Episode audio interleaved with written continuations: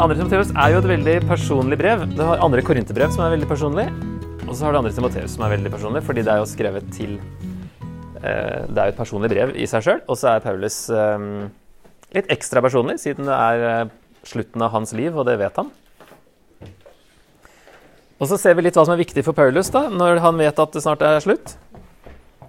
Og så virker Timoteus litt motløs i tjenesten sin her. Og derfor kan det jo være oppmuntrende for oss også, hvis vi har mista motivasjonen eller, eller eh, ja, føler oss motløse av ulike grunner.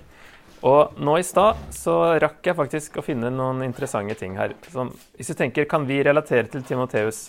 Um, jeg fant i stad bare googla dette med uh, motløshet og uh, utbrenthet da, i kristen tjeneste. Det var jo kristne sider jeg kom til. Um, så var det f.eks. grunner til motløshet. Er jo f.eks. mangel på resultater, ensomhet, kritikk, forventninger som da ikke blir som du hadde tenkt. Familielivet, om uh, det er noe der som spiller inn. Lite søvn, dårlig helse. Eller rett og slett en depresjon, som da vil selvfølgelig føre til motløshet. Um, og jeg bare tenkte, Det var interessant å se, da, fordi når jeg tenker på Timoteus som står der, det er fortsatt vranglærere. Det er kanskje et år eller to senere enn første Timoteus. Resultatene har liksom ikke Det har ikke blitt helt sånn som han um, kanskje så for seg. Forventningene var kanskje annerledes. Han får helt sikkert kritikk av disse vranglærerne. Og andre òg, som kanskje holder med de, og ikke med Paulus og Timoteus. Ensomhet kan jo veldig føle på. da. Han er jo der alene, sånn med oppgaven i hvert fall.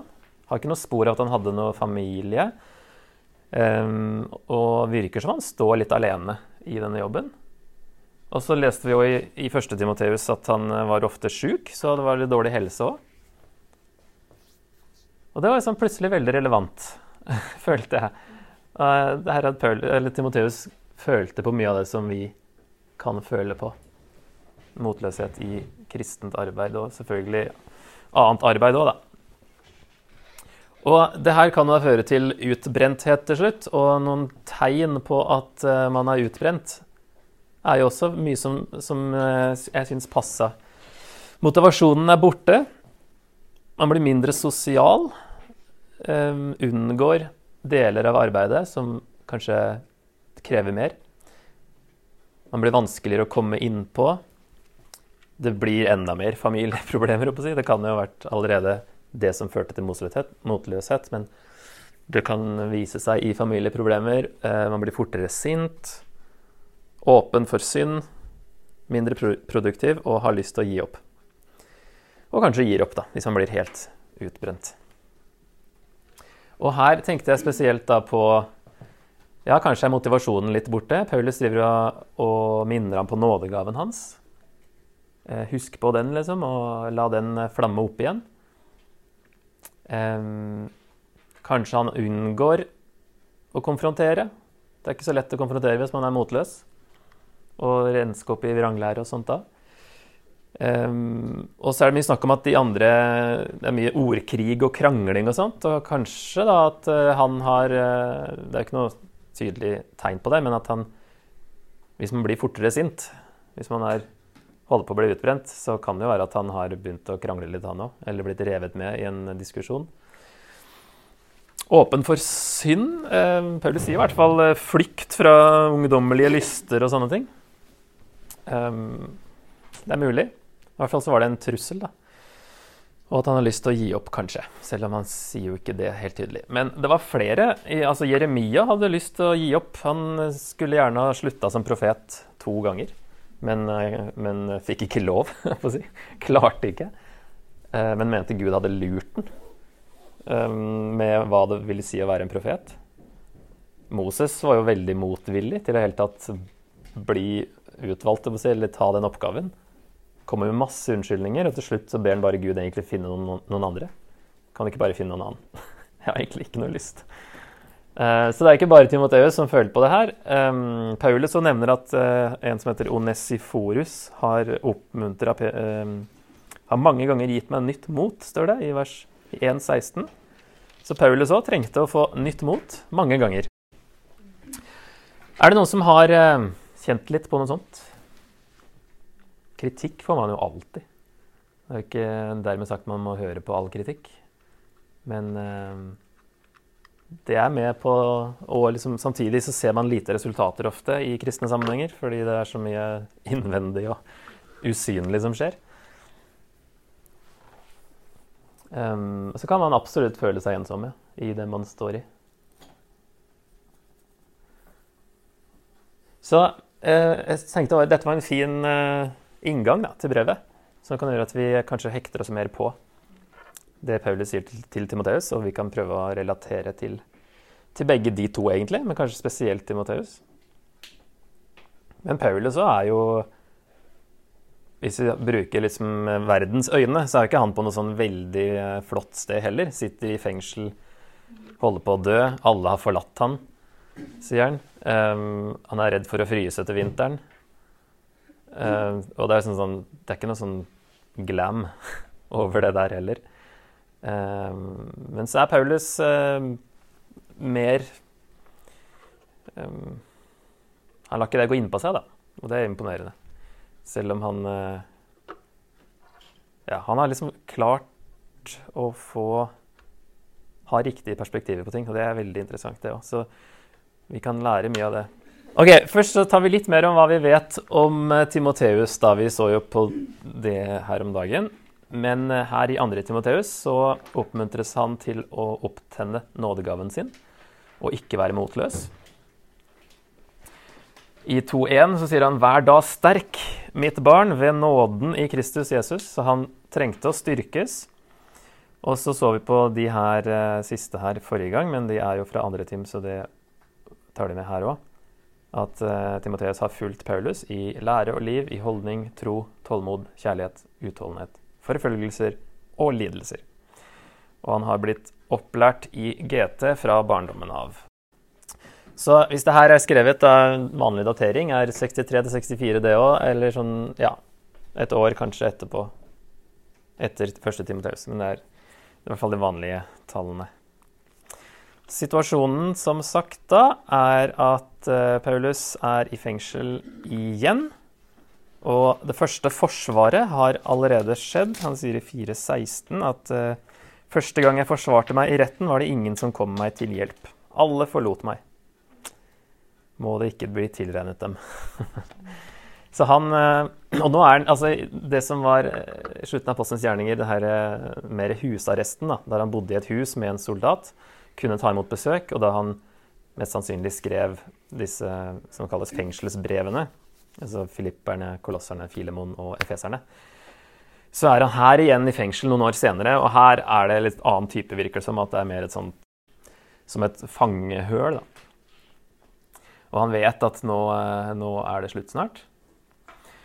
Han vet at han snart kommer til å dø. Så dette er siste brevet og nest siste ord til Timoteus, da, for han vil jo treffe Timoteus. Før um, han sier i vers 9 Kom til meg så fort du kan. Så det er jo ikke det at dette er siste ordet, forhåpentligvis, men at uh, Timoteus kom uh, uh, ja, til Roma, da. Det er vel det som er mest sannsynlig. Og traff Paulus en gang til. Det er fortsatt vranglære i Efesus som må bli stoppet, og som sagt da, tradisjonelt datert til år 64. Ok, noen spor i brevet her. Eh, ordkrig, som virker ødeleggende på dem som hører på. Ugudelig og tomt snakk, det har vi hørt om før òg. Vranglæren må stoppes før den spres enda mer. Hymeneus og Filetus har forvillet seg bort fra sannheten og sier at oppstandelsen allerede har skjedd. Tåpelige diskusjoner som ingen lærer noe av. At de må våkne av rusen og komme seg ut av djevelens snare. De har gudsfrykt i det ytre. De får makt over svake kvinner, har en ødelagt dømmekraft og holder på med disse mytene. Så vranglære er i hvert fall fortsatt ganske mye til stede. Veldig mange spor av det.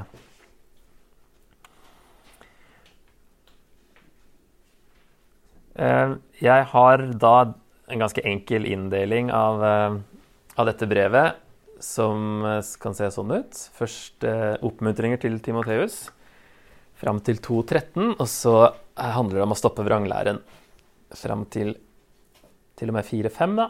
Og så er Paulus mer om sin situasjon på slutten. Um, og det er ikke sikkert at Timoteus visste det han der sier, før han leste det i brevet. Det var ikke sånn at de snakka og møttes så, så, ofte. Det var liksom sannsynligvis brev man fikk vite ting gjennom da, når man ikke var på samme sted. Eller gjennom folk. Så det kan ha vært at noen av de har reist og fortalt at Paulus uh, holder på å dø, men uh, det kan jo være at her er det Eller at han vet at det er slutt snart, da. Men det kan være at det her, eh, når vi kommer til 4-6, at, at, det blir en liten overraskelse for Timoteus Og Det kan jo hende. Ja. Så vi kan begynne på starten. Det var vel en ganske lik start var det ikke det, som første Timoteus. Bare at istedenfor apostel etter befaling, så var det utsendt ved Guds vilje. Det er jo for så vidt sier jo noe. I hvert fall helt i starten, da, så ligner det. Paulus, Kristi Jesu apostel, utsendt ved Guds vilje for å forkynne løftet om liv i Kristus Jesus. Hilser Timoteus, mitt kjære barn. Nåde, barmhjertighet og fred fra Gud, vår Far, og Kristus Jesus, vår Herre. Eh, og så har han en liten sånn slags takkebønn, da. Selv om det er ikke en sånn typisk takkebønn, men han begynner i hvert fall med å si i vers 3.: Jeg takker stadig for deg og husker på deg natt og dag i mine bønner til Gud, som jeg tjener med en ren samvittighet. Eh, eh, slik som mine forfedre. Eh, jeg glemmer ikke tårene dine, og jeg lengter etter å se deg igjen. Det ville gjøre meg inderlig glad. Jeg husker din oppriktige tro, som først bodde i din mormor Louis og i din mor Evnike, og jeg er overbevist om at den også bor i deg. Jeg tror vi leser til 14, da, for det er den jeg tenkte å ha litt på neste. Jeg kan få overskriften nå. At det virker som han kommer med noen oppfordringer til lojalitet til tross for motstand. For her er det mange som har vist seg ikke så lojale, i hvert fall. Eh, så fordi han vet at det er en um, oppriktig tro som bor i, i Timoteus, så sier han i vers 6.: Derfor vil jeg minne deg om dette. La Guds nådegave i deg flamme opp på nytt, den du fikk da jeg la hendene på deg. For Gud ga oss ikke en ånd som gjør motløs, vi fikk ånden som gir kraft, kjærlighet og visdom. Skam deg da ikke over vitnesbyrdet om vår Herre, og heller ikke over meg som er fange for Hans skyld, men bær lidelsene for evangeliet, du også, i den kraft Gud gir. Han har frelst oss og kalt oss med et hellig kall, ikke på grunn av våre gjerninger, men etter sin egen vilje og nåde, som er gitt oss i Kristus Jesus fra evighet av, og som nå er blitt åpenbart ved at vår frelser Kristus Jesus kom til jord. Han har gjort ende på døden og ført liv og udødelighet fram i lyset ved evangeliet. For dette er jeg satt til herold, apostel og lærer. Derfor er det jeg lider, men jeg skammer meg ikke, for jeg vet hvem jeg tror på. Og jeg er overbevist om at han har makt til å ta vare på det som er blitt betrodd meg, helt til dagen kommer. Ha de sunne ord du har hørt av meg, som forbilde i tro og kjærlighet i Kristus Jesus. Ta vare på den vakre skatten som er betrodd deg, ved Den hellige ånd som bor i oss. Ok, litt observasjon her. Hva, eh, hva, slags bud gir Paulus til Timoteus her i eh, skal vi si, Hvis vi sier fra første delen, da, vers 6 til 8. Eh, Skam deg ikke over A. Vitnesbyrdet om vår Herre.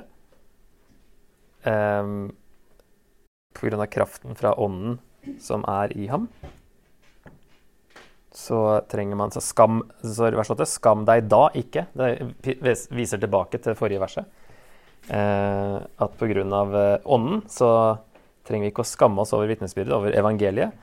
Og heller ikke over Paulus som fange for Herrens skyld. Og to ting han ikke skal skamme seg over. Paulus virka jo som en kriminell der han satt i fengsel. Det er jo ikke sånn at det var så veldig positivt å være i fengsel da heller, selv om du var en kristen. Det virker som mange ikke helt skjønte um, at det var uh, si, De begynte å i hvert fall vende seg bort fra Paulus, da. Som han sier i vers 15, det neste som vi ikke leste. Du kjenner til at alle i Asia har vendt seg fra meg. Også Fygelos og Hermogenes. Det var litt ekstra trist at akkurat de to vendte seg bort fra Paulus. Um, Så det, liksom, det at han var i fengsel så ofte, ville kanskje vært en litt sånn herre Ikke gitt han et sånt godt rykte blant alle, da. Er det egentlig han holder på med, han der? Virker jo som han driver med noe mystisk når han er i fengsel hele tida. Forbryter. Men Paulus selv skammer seg ikke, og han vet at Gud vil vokte det han har betrodd Paulus.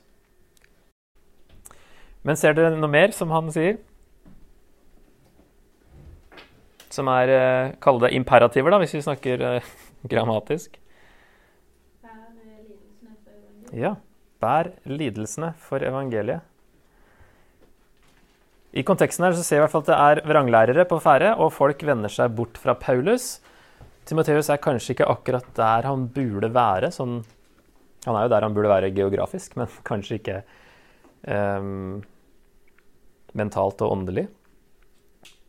Kanskje han hadde trukket seg litt tilbake. og Derfor han sier det her med å la nådegaven flamme opp på nytt. Og ikke, den motløsheten er ikke fra Gud. Sånn, Gud gir oss kraft, kjærlighet og visdom. Så ikke skam deg, verken over evangeliet eller over meg, sånn som alle de andre gjør. Alle andre skammer seg over meg, virker det som, sier Paulus. Men bær lidelsene for evangeliet. Så hvis vi kan oppsummere det på en måte, at eh, Paulus sier da ikke vær redd, men ta del i lidelsene. Han sier ikke at alt vil bli bra, men han peker på den kristne, kalle det plikten, om å lide for evangeliet slik Paulus selv gjør, som han også nevner i, i vers 12. Derfor er det jeg lider, men jeg skammer meg ikke, for jeg vet hvem jeg tror på. Og så skal man ta, bære lidelsene eh, ta del i lidelsene, men viktig da at det skjer i Guds kraft og i Guds ånd, som han nevner tre ganger i avsnittet her. Gud ga oss ikke en ånd som gjør motløs, motløs fikk ånden som gir kraft. Eh, gi, altså Bær lidelsene for evangeliet, du også, i den kraft Gud gir, i vers 8. Og så vers 14 så sier han eh, ta vare på den vakre skatten som er betrodd deg, ved Den hellige ånden som bor i oss. Så det er en viktig komponent da, i dette her når man skal lide for evangeliet, at du får kraft fra Gud til å gjøre det. Og ikke oppsøke lidelse for lidelsens skyld, eh, nødvendigvis. Men eh, det, er en, det, er ikke en ting vi bør Det har vi sett så mange ganger og kommer til å se det også. Men eh, Jesus sa det, Paulus snakker mye om det, at lidelse er noe vi må forvente. Første Peter òg var sånn her Ikke er forundret over denne ildprøven som kommer over dere, som om det var noe uventa. Dette er helt i tråd med det Jesus sa. Hopp av fryd når det skjer. sant? ikke skam dere over, over eh, navnet kristen, sier han faktisk. Et av de få stedene altså i 1. Peter. Et av de få stedene kristen nevnes, så er det noe vi skal rose oss eller være stolt over. da, Når vi lider på samme måte som Jesus og kalles opp etter Kristus sant? og, og blir behandla på samme måte, så er det et kjempekompliment. Så her er Timoteus kanskje litt sånn er ikke helt frimodig på den da, og prøver å unngå kanskje litt det her vanskelige. Så eh, hvis vi drar de her sammen, så har vi i hvert fall den første hensikten med brevet er å oppmuntre Timoteus. Det er nok flere hensikter.